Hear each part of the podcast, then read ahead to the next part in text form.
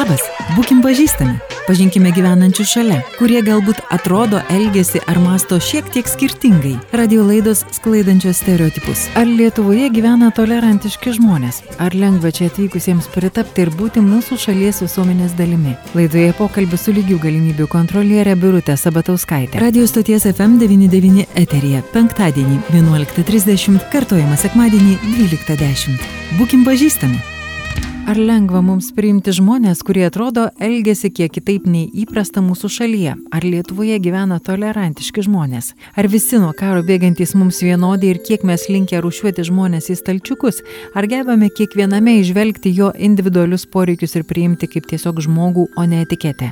Ne paskutinėje vietoje ir mūsų institucijų požiūris, sako Birutė Sabatauskaitė. Anot lygių galimybių kontrolierės, potencialo šioje vietoje tikrai dar daug. Kartais gebame parodyti savo empatiją ir pasidalinti viskuo, ką įrodo ukrainiečių sutikimas ir prieimimas į savo namus. Tačiau svarbu žmoniškumą išsaugoti visiems, neskirstant žmonių, iš kurios šalies jie bėga nuo karo, neskirstant vaikų dėl kitos odos spalvos, jiems nemažiau reikia ne tik tarptautinės pagalbos, bet ir žmogiškumo. Žinoma, netrūksta ir iššūkių, ypač pastaraisiais metais pastarieji metai, tai bendrai apibendrinant, tikrai buvo ne, nemažų iššūkių metai, ne tik Lietuvai. Tai žinoma, kad praėjusiais metais gal e, buvo toks e, sakyčiau, na, neįlinis turbūt iššūkis Lietuvai, kai padidėjo žmonių atvykstančių, kurie nori prašyti, pavyzdžiui, prieglopščio į Lietuvą. Ir žinoma, tai, kad e, Baltarusijos režimas ir galimai Rusijos tuo pačiu režimas dalyvavo visame tame apsunkino situaciją ir apsunkino taip, kaip mes pradėjome matyti atvykstančius pačius žmonės, nes tada nebeliko lik vietos individualiam požiūriui į atskirus žmonės. Tiesiog mes visus jau tada sudėjome į vieną krūvą ir visus pavadinome galimai nepagristai ieškančiais apsaugos, bet iš tikrųjų tai tame turbūt yra problema, kad mes tada sudėję daug žmonių į vieną krūvą nebematome atskirų individualių istorijų, o jų yra įvairių. Tai ir dėl atsiradimo būdo, bet ir aišku ir dėl tos dalinai komunikacijos ir kai kurių valstybės institucijų, kurios, na, iš pradžių šiek tiek gazdino, kokie žmonės atvyksta, kad čia tamsesni, iš, iš artimų rytų, ar ne, ar ten, sakydami, iš Afrikos kontinento šalių ir taip toliau. Tai na, padarėme, manau, šiek tiek žalos tam prieimimui, nes ta, tas matosi ir iš visuomenės nuomonės apklausų, kad pasikeitė vertinimas, kaip mes vertiname atvykstančius bendrai pabėgėlius ir žmonėm pradeda tada atrodyti, kad į Lietuvą labai daug apskritai tų atvyksta. Bet tiesa yra ta, kad Lietuva bendrai pasaulio kontekste nėra ta šalis, į kurią atvyksta daugiausiai Dažniausiai tai yra šalis kaiminės, šalis, kurios būna šalia nuo karo kenčiančių ar nuo ten, jeigu dabar mes kalbėtume ir apie klimato kaitrą, tai šalia tų šalių, kurias nukenčia labiausiai. Tai tų ir daugiausiai ir būna tose valstybėse, kurios yra šalia. Globaliame pasaulyje vis daugiau susidurime su įvairovė, tad atvykstančių prieimimo scenarijų irgi yra labai įvairių, nuo smalsumo iki priešiškumo. Tai yra ir tikrai mišrių šeimų, ir vaikų, kurie jau senokai gimsta tikrai vis daugiau, tai žmonės būna tikrai pasako kai kuriais atvejais, kad susiduria su galbūt tokiu smalsiu dėmesiu kitais atvejais ne tokiu smalsiu, bet ir ganėtinai neigiamu dėmesiu. Tai yra kažkokiais tai replikomis, komentarais, žeminančiais tam tikrais ar gatvėje, arba kai kuriais atvejais, na, tais atvejais, kaip pavyzdžiui, nori ar būstą išsinuomoti, ar kažkokias paslaugas gauti, sulaukti gali tam tikrų komentarų ir taip tokios situacijos jau yra diskriminacija. Arba ten kai kuriais atvejais yra pasitaikę ar ne ir išpolių gatvėje, kai buvo užpulti, pavyzdžiui, juododis asmuo tiesiog išlipo asmuo iš mašinos ir su sumušė e, vyrą, ar ne, buvo moteris, kuriai, kuri buvo tiesiog su hijabu, jai buvo nuplėštas nuo galvos su vaikais einant e, e, galvos apdanglas. Tai yra paprastas galvos apdanglas, kuris dengia tik tais plaukus. Pastarėjai metai ir pabėgėliai atvykstantis per Baltarusiją organizuojami režimo smarkiai pakeitė lietuvių nuomonę, rodo apklausos, itin svarbi religija.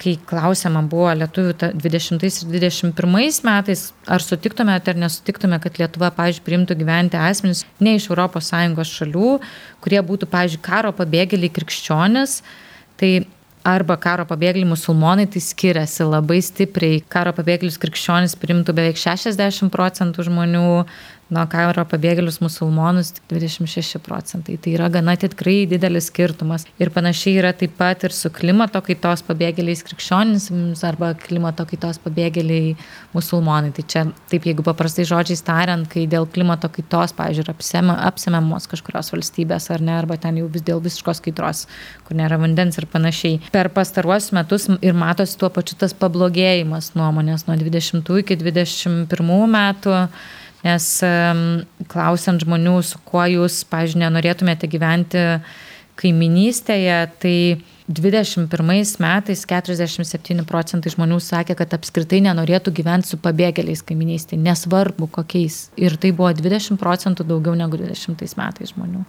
Tai gana daug išaugo skaičius ir nebejotinai visa tai, kas vyko praėjusiais metais, darė tam įtaką ir darė įtaką tai, kaip apie tai kalbama. Nes, na, žiniasklaidoje irgi buvo nemažai to tuo pačiu gazdinimo ir čia norėtųsi tuo pačiu ir atliepti ir pasakyti, kad natūralu, kad žmonės kažkurio metu, kai vyksta tam tikri įvykiai, išsigasta. Bet e, tuo pačiu iš valstybės institucijų yra tam tikra atsakomybė pasakyti, ką, į ką svarbu atkreipti dėmesį, bet taip pat nusiųsti žinutę, na, kad nu, valstybė vis tiek jūs saugo, o tuo pačiu, kad nelaikykime visų atvykstančių žmonių savaime pavojingais, ar ne. Ir tas matosi turbūt per tas kitas apklausas, kad 21 e, metais e, net 82 procentai žmonių matė, kad pabėgėliai gali sukelti socialinius neramumus Lietuvoje. Vėlgi 20 procentų, ne daugiau negu 20 metais tą patį būtų pasakę. Aš manau svarbu, dabar praėjo metai jau nuo tų įvykių pradžios, tai man atrodo svarbu suprasti, kad dėja tos nuostatos darė įtaką ir sprendimams Lietuvoje ir mes žinoma Tada sakėme, kad kaip ir neturime vietų įvairiose rajonuose, nėra kaip priimti ar ne, nėra tų, tos, tų galimybių. Šiemet situacija parodė, kad tų galimybių gali atsirasti Ir gal truputį liūdna, nes mes to pačiu kaip ir netekome galimybės, nes kai mes sudėjome visus žmonės į krūvą, mes netekome galimybės skirtingų žmonių nei pažinti, nei suprasti jų istorijos. E, ir aš manau, kad čia pagarba žmogui ir mūsų visų saugumas yra suderinami dalykai. Tai reiškia, kad jeigu yra tam tikri individai, atskiri žmonės, kurie gali kelti pavojų, tai jų atžvilgių reikia taikyti tada kažkokias griežtesnės priemonės. Lygiai taip pat, žinot, mes niekas turbūt nenorime ir mes esame turbūt susidūrę visi kad tam tikrų metų lietuviai ten ar Airijoje, ar Junktinėje karalystėje, ar Islandijoje toje pačioje sakydavo kažkas, kad nužiauriausi nusikaltimai padaromi vos net ten lietuvių arba lenkų. Tai mes nenorime, kad mus traktuotų visus pagal kažkien atskirų, labai atskirų žmonių uh, veiksmus nes tai neapibūdina mūsų kaip pilietinės tautos, tai nėra visiems mums priskirtini bruožai, tarp mūsų yra tikrai labai įvairių žmonių. Ir negalėtum sakyti tada, kad Lietuva yra blogų žmonių šalis, ar ne? Tai lygiai taip pat negalima pasakyti, kad Sirija arba Irakas yra, ar tas pats Kamerūnas yra blogų žmonių šalis, to negali pasakyti, tai tą svarbu turbūt turėti omeny. Žmonės, kurie atvyksta ir yra, kuriems jau suteiktas yra pabėgėlio statusas, nori kuo greičiau įsitvirtinti toje šalyje. Todėl, kai klausia žmonių, kodėl netikė, pavyzdžiui, skundų, tai jie sako, nu nes nori tiesiog kelti tai šaliai problemų, norisi parodyti, kad mes esam kažkuo naudingi ir man labai liūdna tą girdėti, nes mes tada, tu supranti tiesiog, kad tas žmogus tiesiog bando kažkaip kitiem įrodyti, kad tas žmogus tiesiog, ar ne, ir bando pasakyti, kad, žinot, mes ne, net važiavom čia kelti kažkokių neramumų, mes tiesiog norime užtikrinti savo šeimai saugų gyvenimą, pasirūpinti taip pat vaikais, juos galėti išmaitinti, eiti dirbti ir ir būti tiesiog šalies gyvenimo dalimi ir kartais girdi, kaip jie sako, mes norime ir galime būti naudingi visuomeniai. Tai tą yra šiek tiek liūdna girdėti, nes tu supranti, kad žmogus irgi tą daro dėl to, kad jau susidūrė su tam tikru elgesiu ir bando tada nebesukelti daugiau problemų ar neparodyti, kad mes čia esame tie, kurie atvažiavo kažkokių problemų kelti. Atviro priešiškumo Lietuvoje sulaukia tikrai ne visi atvykėliai, tačiau diskriminacija gyvenimiškose situacijose netokia jau reta.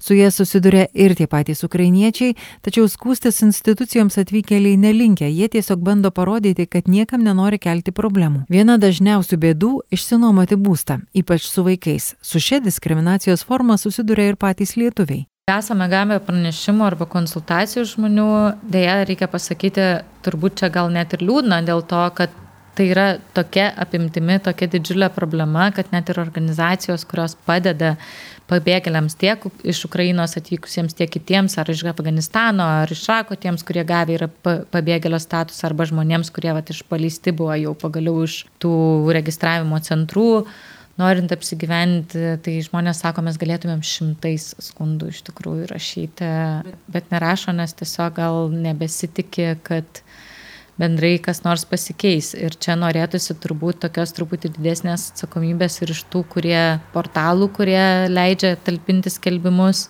kad tokių skelbimų, kurie yra diskriminaciniai, tiesiog neskelbtų, bet ir tuo pačiu turbūt reikėtų kažkuriuo atveju kalbėti tam tikrą prasme ir apie tai, kad Lietuvoje labai daug nuomos vyksta neoficialios. Ar ne? Ir e, dar kita problema, su kuo būna susiduria žmonės, kad nu, žmonės nenori pasirašyti oficialių sutarčių. Čia ne visai mano kompetencija vertinti, bet mes visi suprantame, kad egzistuoja šitą juodo, juodoji vadinamoji rinka. Tai čia jau turbūt mm. mokesčių inspekcijos klausimas. Tai irgi daro įtaką taip pat e, tam, kuo susiduria žmonės su dideliais sunkumais iš esmės rasti ir kaip jūs ypatingai gerai pastebėjote, kai norima išsinuomoti būstą su vaikais. Ir su šita problema susiduria nepriklausomai ir lietuviai, ir e, Lietuvoje gyventis bet kurių kitų tautybių asmenys ir taip pat gavę prieglopsti Lietuvoje žmonės. Nes e, yra ta tendencija dėja, Tai anksčiau mes tokių skundų negalėjome tirti ir vis dar negalime, bet nuo rūpiučio pirmos statymas jau pataisytas ir šeiminės padėties pagrindas yra įtrauktas. Pripažinti patiems baimės ir diskriminaciją kitų atžvilgių irgi sekasi ne visada.